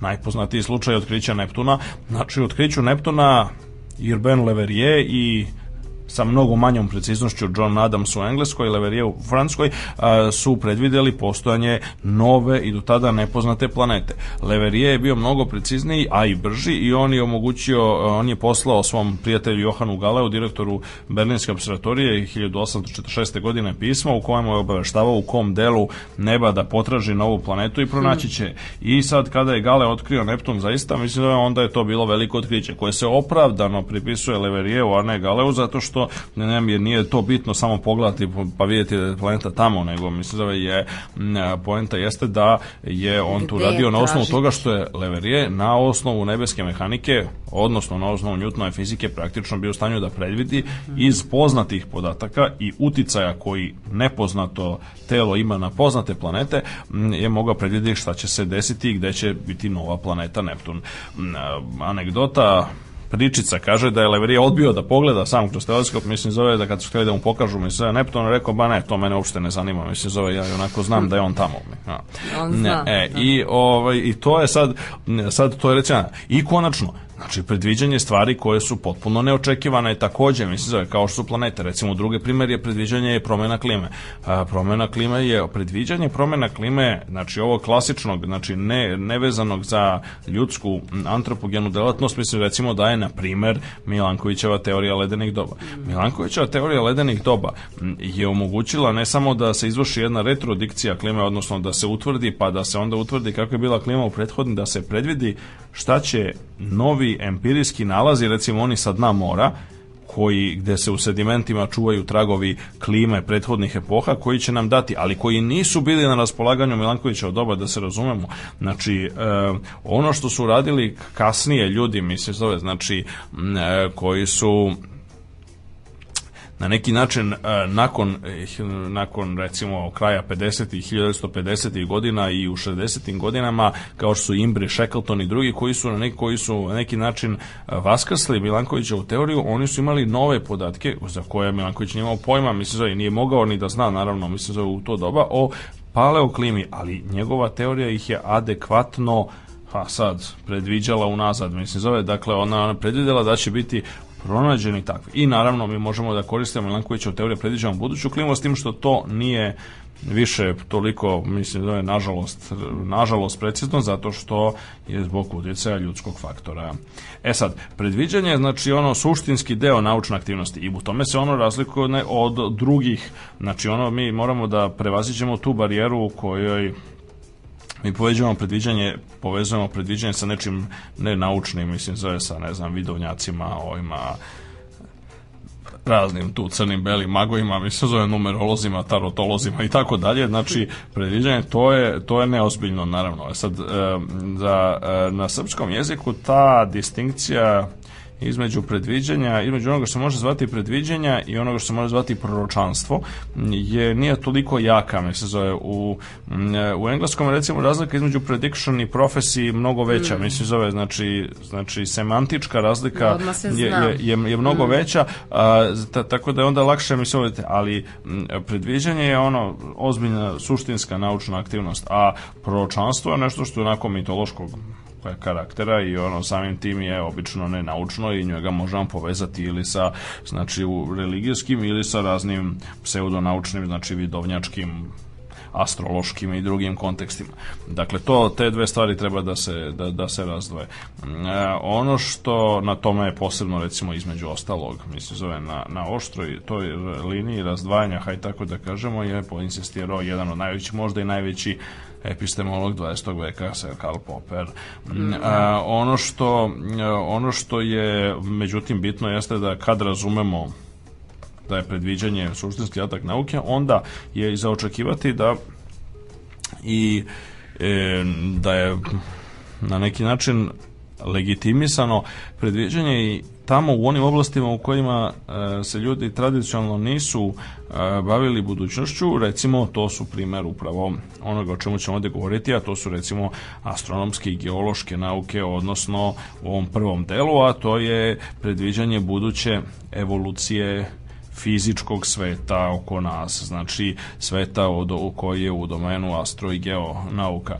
A, ono što i time se upravo bavi ta nova disciplina koju smo pomenuli u tema za ovu emisiju, a to je fizička eshatologija. Fizička mhm. eshatologija je, znači ok, a, fizička eshatologija je neki način Pa, ekstenzija i dopuna klasične kosmologije. Ako se klasična kosmologija bavi nastankom i evolucijom svemir, svemira i ono bitnih objekata u njemu do danas, onda nema nikog razloga zašto mi to ne bi produžili i od danas u buduće. E, dakle, tako da u tom nekom smislu fizička eskatologija postavlja pitanje samo buduće evolucije raznih astrofizičkih objekata, uključujući i svemir kao celinu. A, to nije uopšte, opet kažem, to treba bude mnogo manje svaćeno dramatično nego, nego što se inače svata, zato što, e, kao što rekao, to što mi percipiramo nešto danas i u ovom trenutku kao sadašnjost, to je izraz na neki način naše percepcije i to je više psihološka ovaj, činjenica nego što je činjenica u svetu. Znači u um, prirodi, prirodni zakoni su i vremenski simetrični, a takođe i ne poznaju posebno neke privilegovane trenutke, ne poznaju sada, e, dakle ne poznaju sadašnjost, te u tom smislu reči možemo da ih primenjamo kao što ih primenjamo i na objašnjavanje prošlosti, tako da primenimo i na objašnjavanje budućnosti prvi neki rezultati sad u nekakvom grubom smislu te reči ono ljudi su oduvek pitali o budućnosti Samira Sir Bertrand Russell je poznato kako je on rekao kako je to ovako jedna divna kako je to divna tema za ovaj, za razgovore posle večere, ali kako to ovaj, niko ovaj, se ovako emocionalno na emocionalnom planu ne uzbuđuje mnogo oko toga. A, ono što je jasno jeste da kao i u prošlosti vremenske promene i evolutivne promene u kosmosu u budućnosti će se odvijati na jako dugačkim vremenskim skalama, pa shodno tome e, tu su u pitanju milioni i milijarde pre svega godina, e, te u tom smislu to zaista nije nešto oko čega se možemo neposledno zabrinjavati. Do duše, ako gledamo recimo ima jedna divna scena u filmu Woody Allena Annie Hall koji njegovom ovako, autobiografskom filmu u kome kad mali Woody Allen nešto ima problema u školi ne radi tamo ne uči ne radi domaće zadatke onda eh, onda ga odvedu tamo kod psihologa i onda razgovaraju tamo sa njima ga pitaju pa dobro što čemu je stvar mislim da kaže on pa pa evo, pročitao sam u knjizi da se svemir širi. Ovaj, pa dobro, kao uče, šta je to problem? Pa što da radim domaće zadatke ako to nema smisla? Sve će se raširiti i nestaće u ništa. Mislim, zove i zašto sad da radimo domaće zadatke? Bez, bez veze. Tako da, ipak može se to shvatiti ovako i na ličnom i emotivnom planu.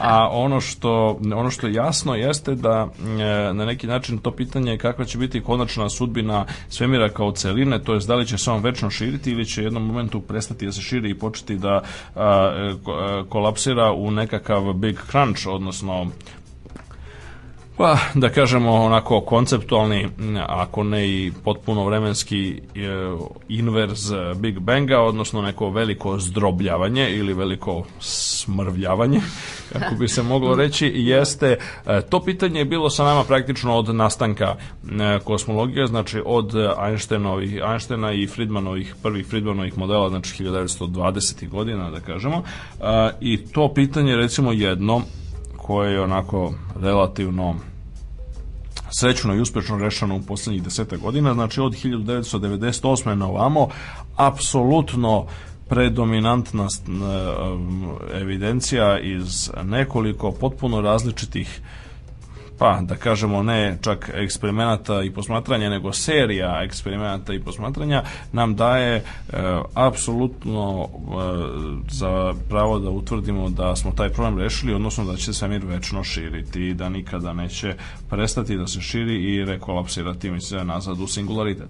Um, ono što to što smo od 98. na vamo sigurni u to, to nije sprečilo ljude da i ranije, znači negde već od rada Martina Riza sa kraja 60. godina, a ljudi razmišljaju o tome znači kako bi izgledale te udaljene epohe u bilo u jednom, bilo u drugom slučaju. I sad ima a, ima to postepeno se postepeno se to nikad nije bila neka ekstremno aktivna mislim zove ekstremno aktivna oblast istraživanja delimično zbog toga što je to ljudi nisu osjećali neku potrebu za žurbom, dakle budućnost će ostati tu, mislim zove i neće se promeniti na ljudskim skalama kada su u pitanju milijarde godina buduće evolucije svemira. svemira ono što je jasno jeste da jeste da recimo znači negde pa Do 97. Eh, godine se eh, je to onako sporadično se pojavljivalo po nekoliko rezultata i radova koji su odnosili na neke aspekte buduće evolucije svemira.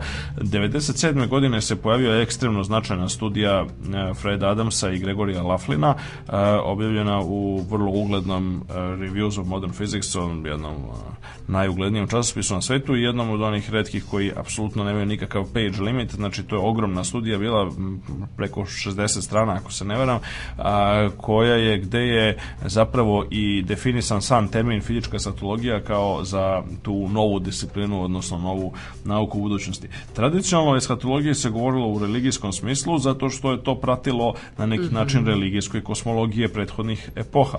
Znači, eshato, mislim, zove na grčkom znači poslednji mm, i u skladu sa tim eshatologija je bila tretirana kao ona oblast religijske doktrine koja se bavi poslednjim stvarima, završetkom istorije, mislim, zove države nekakvom konačnom ili ultimativnim ciljem, da kažemo, i a, božanskom promišlju koja, koja je definisala cilj svih promena u svetu i u društvu.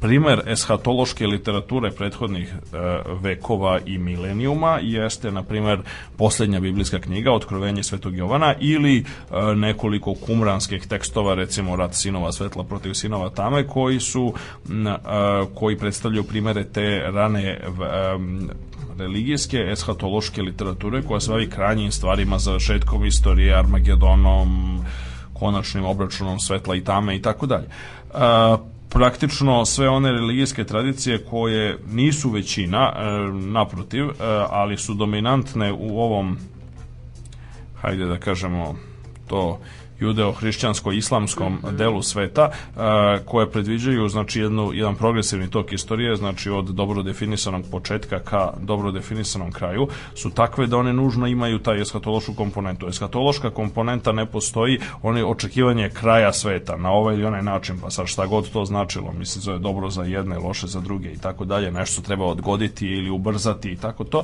To je karakteristično za naš e, za naš e, ove opet kažem kulturne krugove države koje su evoluirali oko Mediterana.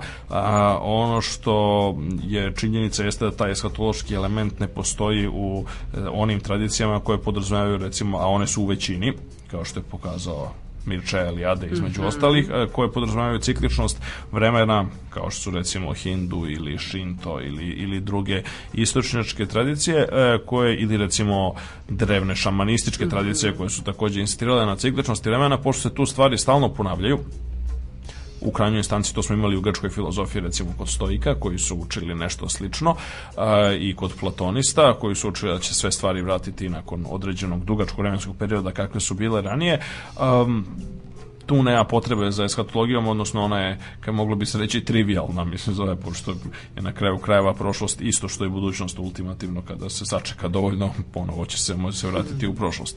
Međutim, ovde gde postoji progresivan tok i, i od kad mi razumemo da evolucija stvari u svetu teče u suštini u jednom pravcu i smeru, onda nam je jasno da istraživanje e, znači da eshatologija ima smisla. Ima smisla logičkog, a opet kažem u poslednjih par decenija, mislim u kontekstu ove e, fizičke slike sveta koji naučne slike sveta koje imamo ima ima i hajde da kažemo dobro ako utemeljeni neki e, fizički i empirijski smisao.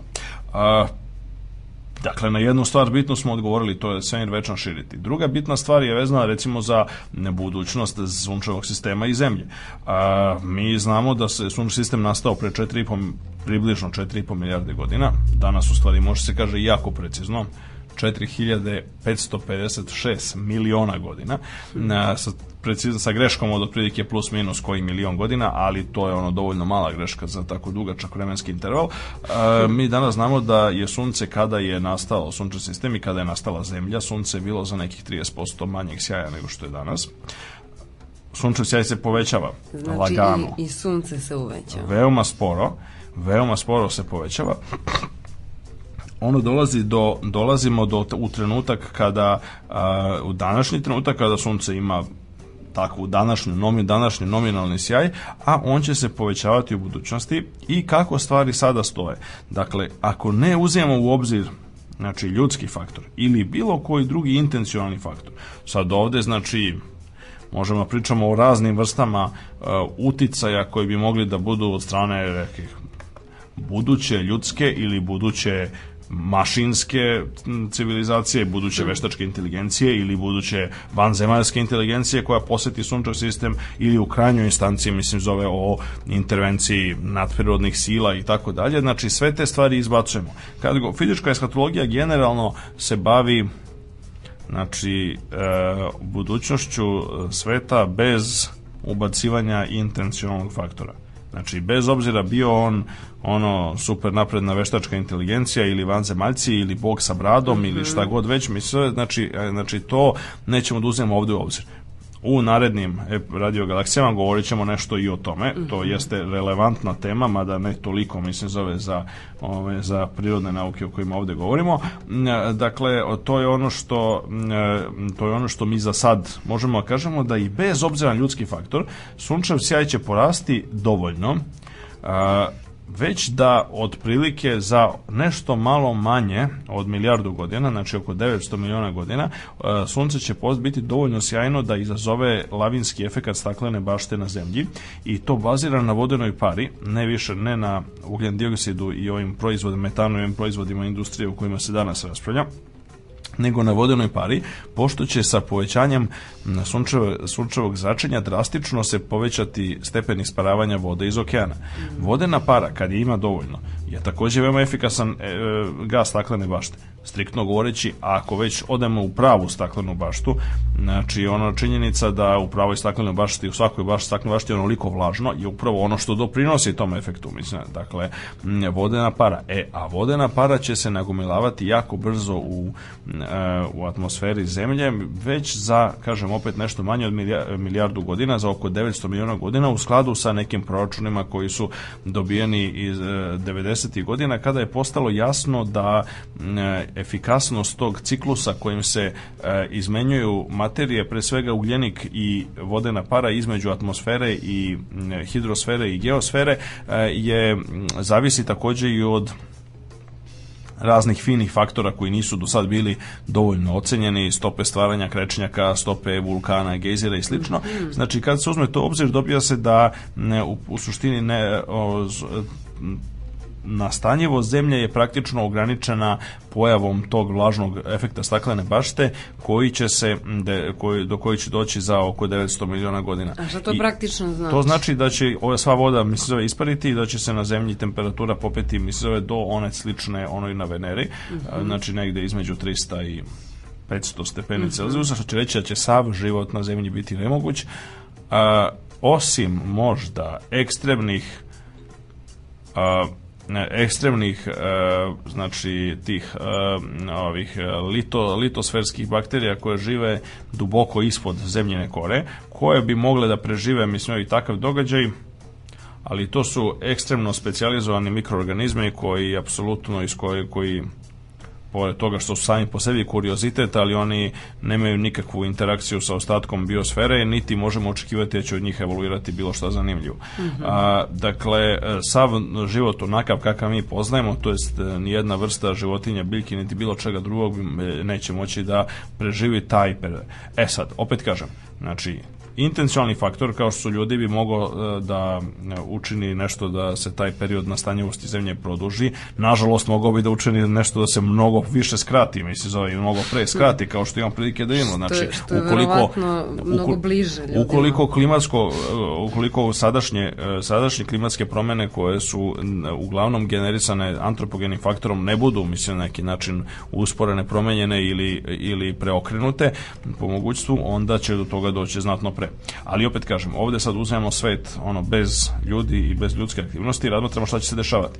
A, to ovo što sam rekao ne znači da će zemlja biti fizički uništena. Obično se pogrešno tumači i u starijim knjigama koje su bile, koje nisu razumele prirodu, to prirodu kruženja materije, pre svega mm -hmm. prirodu tu ugljeničnih i ciklosa se često navodi da će eto, zemlja biti uništena kad sunce postane crveni džin. Ne, to će se desiti mnogo ranije. Dakle, sunce će postati crveni džin tek negde, recimo, e, kada od trenutka njegovog nastanka prođe oko 8 milijardi godina, znači tek negde za 3 do 4 milijarde godina će sunce zaista postati crveni džin. I onda će, onda će ono još, onda će se njegov sjaj zaista povećati, a, ono Liko neće da ni tada da.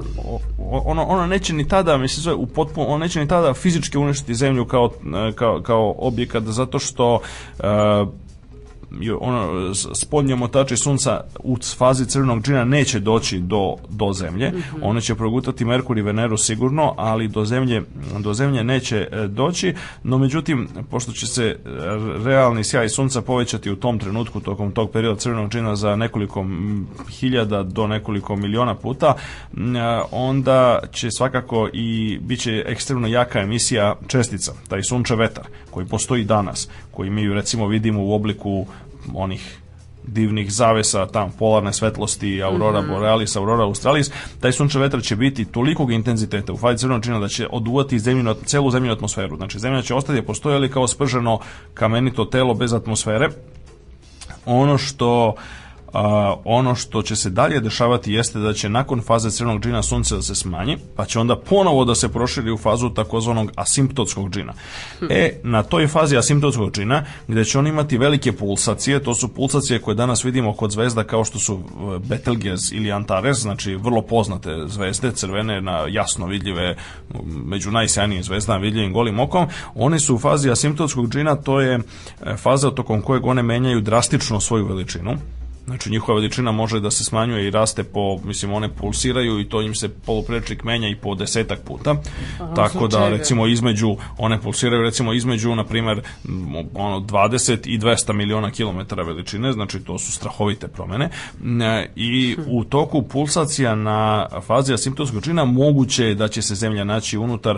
E, to još nije sasvim jasno. Ono što je ironično jeste da zapravo tu je jako mala E, znači jako mala promena na ovu ili na ovu stranu je, e, će odlučiti da li će zemlja preživeti tu fazu, bar kao takva vrsta, mhm. bar kao ono objekat koji je na jednom mestu. Znači, e, promene reda veličine 1%. Znači, sunčeva tokom tih perioda prošire proširenja na, na proširenja sunčevog omotača, on će doći skoro do zemlje, a da li će ih zahvatiti ne, to još uvek ne znamo, pošto je to unutar efekta greške. Znači, greška je otprilike mm, oko ono 1%, da. mislim da je tako da mi to još uvek ne možemo da izračunamo dovoljno precizno da, bi, da bismo znali ove u čemu se tu radi. Ali u svakom slučaju ona će postati e, nenastanjija mnogo ranije. Opet kažem, nekakva napredna civilizacija ili recimo buduća veštačka inteligencija ili neka nezavisno evoluirana. Sad zamislimo da ako se ljudi unište recimo u narednih 100 ili 1000 godina, to u principu ostaje još dovoljno vremena u tih preostalih 900 miliona ili milijardu godina da da evolucija dovede do pojave neke nove inteligentne mhm. vrste. Mislim, je moguće da će ta buduća inteligentna vrsta znači biti u stanju da recimo da. odmakne zemlju, mislim, zove nešto od sunca i onda u skladu sa tim da spreči znači ove neprijatne stvari, ali opet kažem kad se ograničimo na fizičke procese, onda mu to dođe to. Mm -hmm. uh, ono što je zanimljivo jeste da taj taj na neki način ta tu vrstu ovaj, okončanja i kraja zemlje je opet predvideo niko drugi do veliki Herbert George Wells u svojoj mhm. vremenskoj mašini iz 1895. godine doduše mislim on je tu naravno pošto se nije su znale prave vremenske skale, on je tu naravno bitno skratio, uh, skratio celu priču, ali ono što je interesantno jeste da je on prvi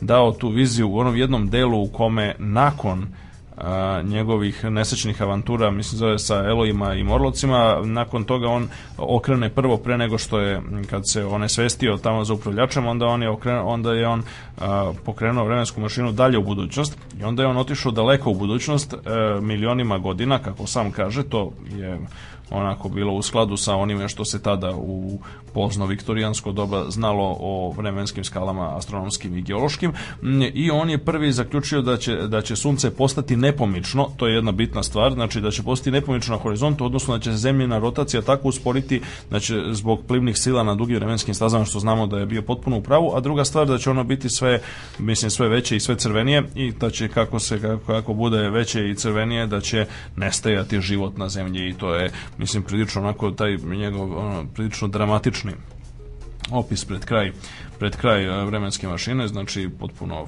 fantastičan roman koji eto je 114 godina ili koliko već od kad je objavljen prvi put zaista fascinantno a ono mhm. što naravno ono što naravno treba reći napomenuti još ovde jeste da a, koja je mogućnost da se da do toga ne dođe, opet kažem bez uticaja intencionalnih faktora, pa jedna od mogućnosti, doduše prilično malo verovatna, jeste da u budućnosti dođe do e, velike perturbacije samog planetnog sistema pre nego što dođe do ovih dešavanja, a, to samo od sebe neće da se desi, to danas znamo prilično sigurno, nakon e, čitavog niza ispitivanja e, načina na koji se manifestuje ta haotičnost u nebeskoj mehanici, znači ljudi koji su bavili problemom haosa u kretanju planeta, pre svega veliki francuski matematičar i astronom Lascar, Jacques Lascar, a, a takođe i mnogi drugi, recimo, ajde da pomenemo, mislim, zove našeg kolegu i savremenika, direktora, inače, astronomske observatorije, Zorana Kneževića, koji je od najvećih svetskih eksperata za probleme haosa u sunčevom sistemu. Mm, dakle, oni su ukazali da su planete same po sebi, znači, ne, ne, one posjeduju te haotične, haotične promene u smislu da mi, recimo, ne možemo da predvidimo na kom će delu svoje orbite zemlja biti za Aha, 200 miliona godina. Ali ali mi možemo da budemo sigurni da će se njena orbita nalaziti unutar jednog relativno uskog i relativno ograničenog segmenta ukupnog prostora parametara. Tako da, mislim, ona ne može da izađe sama od sebe. Kada bi mogla da izađe? Pa mogla bi da izađe kada bi se desila neka velika spoljna perturbacija, recimo kada bi, na primer, druga zvezda ili e, džinovski molekularni oblak prošli dovoljno blizu Sunca. Kolika vjerojatnoća se to desi? Pa jako mala relativno skorašnje, skorašnje studije e, pokazuju da zapravo verovatnoća da neka druga zvezda pre znači ove, pre ove tužne priče o kojoj smo govorili, prođe e, dovoljno blizu Suncu da izazove perturbacije planeta i perturbacije zemljine orbite konkretno je u narednih milijardu godina je recimo reda veličine jedan deo, jedan deo, jedan u deset hiljada između jednog hiljaditog i jednog dela u deset hiljada. Znači, to verotnoća postoji, ali ona je jako mala. Dakle, ja, jako je teško da zvezde su jednostavno toliko udaljene jedna od druge, tako da bez obzira što mi ne možemo da predvidimo njihova kretanja, ona, one jako redko dolaze dovoljno blizu da izazovu perturbacije tako E, kompaktno vezanog sistema kao što je sunčev sistem. Kada bi se to desilo, kada bi zemlja, onda je najveća vjerojatnoća da zemlja bude izbačena. Znači, prilikom bliskog prolaska jedne zvezde blizu sunčevog sistema, najveća vjerojatnoća jeste da može se desiti teorijski da, recimo, neka planeta, konkretno zemlja, bude zahvaćena od strane druge zvezde i da onda, mislim, zove ode zajedno sa njom, nastavi, mislim, putovanje. Ali, mnogo verovatnije da ona samo bude izbačena, da je bude saopšteno dovoljno veliki impuls, da ona bude izbačena i da postane slobodna planeta koja se, kojih sigurno ima. Mi ih još nismo detektovali, zato što je to jako teško, ali sigurno ima i planeta koje lebde va, u, kroz međuzvezdani mm -hmm. prostor nezavisno od, ove, od, od svojih originalnih matičnih zvezda, to je na neki način suprotno ovaj, u tom slučaju došlo bi naravno ne do e, oduvavanja atmosfere i do spaljivanja e, površine zemlje zbog visoke temperature nego došlo bi do, e, do kontraefekta odnosno došlo bi do smrzavanja atmosfere mhm. znači atmosfera bi se pretvorila u led ovi gasovi koji se nalaze u atmosferi koje mi udišemo pre svega azot i kiseonik bi oču, postali prvo tečni, a zatim i čvrsti pošto na temperaturama koje vladaju u međuzvezdanom prostoru oni su u oni su generalno u čvrstom stanju tako da bi se formirala formirala bi se jedna čvrsta opna od uh, azota i kiseonika na oko zemlje oko tla zemljenog i takođe bi naravno svi oblici života interesantni izumrli, osim ponovo opet onih bakterija duboko u, litosferi koja bi bila u stanju da prežive zato što one u krajnjoj instanci zavise od uh, unutrašnje toplote zemlje, a unutrašnja toplota zemlje će ostati još mnogo duže zato što ona zavisi sa svoje strane od raspada dugoživoćih radio aktivnih materijala, pre svega urana i torijuma i oni će, pošto se oni ono, pošto će njima trebati još desetine milijardi godina da se raspadnu u potpunosti, onda će još dugo postojati zemljena unutrašnja toplota, tako da će i bakterije te moći da opstanu daleko duže. Mm, opet kažem, to su vrlo onako kurioziteti sami po sebi, ali relativno e, nezanimljivi oblici života u smislu da predstavljaju jednu vrstu slepog creva evolucije, kao i sve što je suviše specijalizovano. Dakle, sve mm. ono što je potpuno specijalizovano, to ne može dalje da se, dalje da se razvija. A, Shodno tome, znači po ovoj slici, ovoj fizičko eshatološkoj slici, opet kažem bez utjecaja ljudskog ili nekog drugog naprednog, inteligentnog i um, ovaj, kako bi se reklo zamenjanje okružine, okoline svoje i okruženja raspoloženog faktora. Dakle, ova slika nam ukazuje da ono što, na što smo navikli je neodrživo onako u trajnom smislu te reči, neodrživo na velikim skalama, a, a ono način na koji bismo mogli sačuvati to jeste naravno da se jedan deo ljudi, životinja, biljaka, drugih interesantnih stvari koje činimo koje, koje smatramo vrednim e, i radi kojih smo spremni da nešto činimo, mislim, jeste da se prošire drugde po svemiru, mm -hmm. a o tome u narednoj epizodi. Da, odlično. Sad malo da, da zasviramo. zapevamo, zasviramo i slično.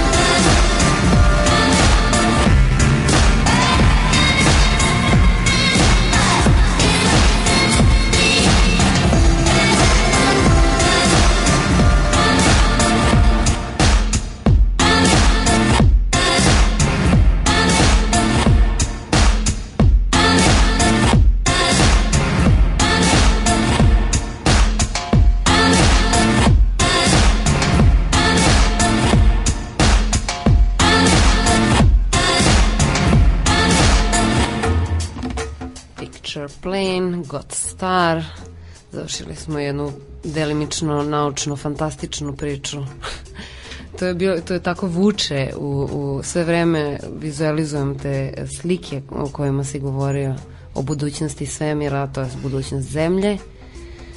Vrlo zanimljiva tema o kojoj ćemo govoriti i sledeće emisije. Sledeće emisije, a, a rubrika Jedan pisac, jedna knjiga za danas Yes, je Milan pripremio pisa Herara Kleina. Jeste. I e, sa knjigom Gospodari rata. Jeste, a pre toga jedno kratko obaveštenje za mm -hmm. ovaj Danielu koja nam se javila, ajde kažemo, Umeđu vremenu, ovaj, da. Facebooka, pa samo kratko, dakle, mada, ajde kažemo, mislim, zove sad, ovaj, možda, možda nije pravi trenutak, ali kao mi nismo ne, nećemo da budemo toliko formalni ovaj, svakako u Radio Galaksiji. Mm -hmm. A, dakle, što se knjige tiče, knjiga o, ovaj, o, o kojoj je pitan, o kojoj se radi, ja pretpostavljam da je to ta knjiga, je, odnosno knjiga moje malenkosti pod naslovom Artefakt za svemirsko putovanje je izdao Helix, objavio na sajmu i nadam se da ja sad ne znam tačno, ali jedna stvar je ja sam gotovo ubeđen da će biti po knjižarama kao što su studentski trge, Akademija nauka i možda još neke u Beogradu, a sa druge strane ovaj, za ljude i Solari su u Novom Sadu, a za ljude koji nisu iz Beograda, meni izdavač reče, onako opet kažem, to je krajnje neformalna i nezvanična informacija uh, oko, oko toga, a naravno možete i da naručite na sajtu Helixa koji, ako se ne varam, Helix www.co.rs e, tako da je to inače jedan ovako ako zanimljiv mali izdavač e, knjiga je a upozoravamo unapred knjiga je onako eseističke i prirode više nego naučne tako da može se može se naći nešto zajedničko sa ovime o kojem o čemu govorimo upravo u ovoj rubrici Radio Galaksije. Mm -hmm. A u ovoj rubrici Radio Galaksije kao što rekoh, dakle jedna opet u duhu ove emisije koja je imala tako te neke futurističke i i ovaj, e, SF-ične, kako bi rekli mhm. neki ovdašnji fanovi komponente. E, dakle, Gerard Klein. Gerard Klein je jedan od najinteresantnijih, savremenih, pre svega SF pisaca e, van britanskog govornog područja. On se rodio u Francuskoj 1937. godine, znači ima već, još uvijek je živ i mada nije bio aktuelan u poslednje vreme nešto, znači znači većina većina njegovih bibliografija koje sam ja uspeo da pronađem do sada se završava negde još 80. godina. Najveći broj e, knjiga je napisao 1960. i 70. ih godina i on je e, objavljivao kako pod svojim imenom Gerard Klein, tako i pod pseudonimom Gilles Dargir e, i bio je dugo vremena urednik verovatno najuticajnije pojedinačne e, SF edicije opet van britanskog govornog područja, tog Ayer Edemen, e, znači serije koju je obiljivao Robert Lafon e, i u tom smislu, pošto je Robert Lafon jedan od on, najvećih francuskih izdavača, e, ovaj, to je samim tim malo utjecaja i to je on razloga zašto je, recimo, e, zašto je naučno podastična književnost generalno u Francuskoj i na francuskom govornom području imala imala, često bila mnogo ozbiljnije svačena i imala često mnogo veći uticaj nego na, na ono što se tradicionalno smatra mainstreamom. Uh, dakle, uh, naravno Klein je prevođen na brojne jezike i na engleski i na brojne, brojne, brojne druge jezike, među njegove najznačajnije Uh, najznačajnija dela, najznačajniji romane spadaju Biseri vremena iz 1157. Uh, Sunča i Mornari pod pseudonimom Žil Argiri 61. Dugačko putovanje iz 64. E, e, gospodari rata o kojima ćemo, o kojima ćemo govoriti iz 71. i možda jedna od poznatijih e, novela e, virusi ne govore, le viro ne parle pa, ne parle pa, e, koji je interesantan po tome što na neki način je je ovaj, bila, jako je napisana jako davno, ova novela je, je preteča cele oblasti onoga što se danas naziva artificial life ili AI life, odnosno ideja o tome da zapravo E, evolucija digitalnih organizama u digitalnom substratu je nešto što je potpuno ekvivalentno i na neki način samo drugi pristup onome što je suštinski ista stvar kao i ova biološka evolucija o kojoj tradicionalno govorimo. E sad, e, u romanu Gospodari rata mm -hmm. Klein se bavi putovanjem kroz vreme, do duše na jedan na jedan onako na jedan vrlo dramatičan način, to je to je veoma znači jedna onako pre svega to je ovako vrlo akciona knjiga. Dakle tu se svašta dešava, mislim zove tu se ovaj tu za, za ona ona neki način predstavlja i parodiju, mislim zove ono pristupa koji je space opera i koji su one stvari koje oličavaju recimo ne znam Star Wars serija na primer i tako dalje, mislim zove bile ovaj, znači koji, onaj način na koji su ovaj, predstavljale emisije zove taj budući diskurs. Sa druge strane, e, on ima jednu mnogo ozbiljniju jednu mnogo ozbiljniju poentu, naime on ona predstavlja jednu od najzanimljivijih problematizacija a, znači uloge rata, mislim zove i ratova, mislim ne samo u prošlim, već i u budućim zbivanjima i na neki način u odnosima između sasvim različitih kultura. A, dakle, ono što je na neki način onaj, e, znači, Heraklitove, Heraklitovska ideja, mislim zove da e, rat ovaj, definiše i postavlja stvari na svoje mesto ovaj, u ljudskom društvu, mislim da jeste na neki način ovde je E, onako dovedena do apsurda i e, baš upravo u tome što se slično veoma slično dešava, mi se zove na daleko većim vremenskim skalama u zamišljenom Kleinovom pan galaktičkom društvu koje između ostalog jedan od osnovnih ciljeva udruživanja i formiranja bilo kakvih organizacija, a posebno organizacija nadzora i kontrole leži upravo u tome da bi se sprečilo da ratni zločinci uteknu, ali korišćenjem putovanja kroz vreme. I sad, ne, ne, tu se ovaj, dešava razne jurnjave, mislim, zove u ovom i onom pravcu kroz vreme za ratnim zločincima, ali i e, dakle, ove, tako da je ta knjiga jako i ona kod nas prevedena i to u dosta dobrom prevodu Veljka Nikitovića još davne 1980. godine i izdana u biblioteci Kentaur, dakle, najklasičnije moguće u tiražu 8000 primjeraka, sve ovako lepo kad se pogleda ovako iz, iz današnje perspektive. E, dakle, to su znači, dvojica ljudi kao apsolutno najzaslužnijih za ovu ediciju, Zoran Živković kao urednik i Ivan Lalić, e, su, dakle, između ostalog ovaj, e, preveli Kleina i ja mislim da je pored toga samo još jedan Kleinov roman preveden na srpski, A, tako da mm, je i objavljen u, u jednoj od mm, onom nesečnom izdanju Andromede koji je iz, koja je izlazila par brojeva i onda prestala tri broja ako se ne veram prestala da izlazi danas je pravi danas je to ovako spektakl za antikvare i, za, i, i na, na, na crnom tržištu doseže, doseže velike cene e, tako da je to relativno redka stvar te u svakom slučaju ono, čitati Kleina dakle ako ga nađete u biblioteci ili već ako imate sreće pa recimo čitate francuski što je uvek za pohvalu. Što je još bolje. Za sam kraj jedan odlomak.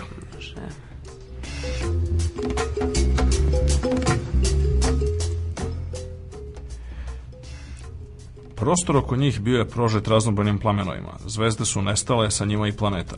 Hipronovo telo izgledalo je crvenom poput krvi. Što se plamenova tiče, oni su se boreli i prepletali u bleštajim lazima, ali prostor u kome su se poigravali nimao dubine. Korso nije bio u stanju da kaže da li su se plamenovi začinjali na nekoliko milimetara od njegovih rožnjača ili na nekoliko svetlosnih godina. Bilo je to lice stvarnog svemira, ili bar druge strane svemira. Premeštali su se kroz vreme velikom brzinom, Korson je u to bio siguran, a to izobličavalo perspektivu. Slika koju je čovek obično sticao svetu bila je statična. Zvezde su za njega kretale lagano nebom.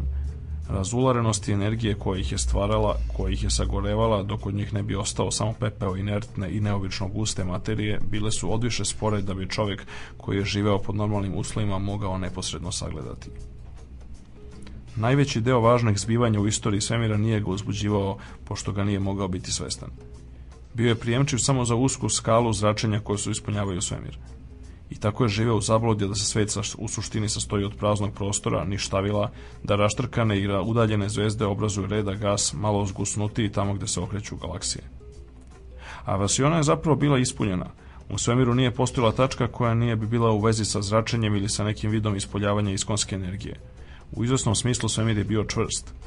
Hipotetički posmatrač koji bi ga gledao s polja ne bi našao načina da u njega stavi ni iglu a pošto su se hiproni premeštali kroz vreme izvanrednom brzinom, svemir se njihovim jahačenja pokazivao kao mutan. Kada bi dosegli veliku brzinu, pomisli Corson, kada bi bili prisutni istovremeno i na početku i na kraju sveta i tokom prelaznih trenutaka, oni bi bili naprosto smrvljeni. Pri brzini kojom su se kretali i svetlosna zračenja bila su potpuno nevidljiva. Ali ti plavi plamenovi mogli su biti talasi dugi više svetlosnih godina, dok purpurna zračenja verovatno održavaju promene gravitacionih polja zvezde ili galaksija.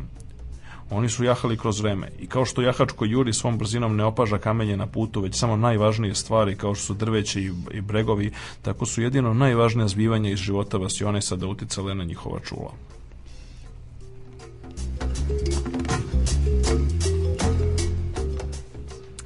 Lepo. Poštovani slušalci, bila je to još jedna epizoda Radio Galaksije u novom prostoru. Uh, ovaj, e, sledeće srede nastavljamo priču o studijama budućnosti. A ja bih samo napomenula što se podcasta tiče da uh, on verovatno neće biti u funkciji još neko vreme, tako da pozivamo na strpljenje. U, u jednom trenutku će valjda proraditi, pa ćete moći da slušate i izvan redovnih termina vaše omiljene emisije a e, danas e, redovno se nastavlja program, dakle Ljuljaška o 19, dežurni kvirci o 21. Tilta mislim da neće biti, ali eto to je to, do sledeće srede, ostajte zdravo. Do slušanja.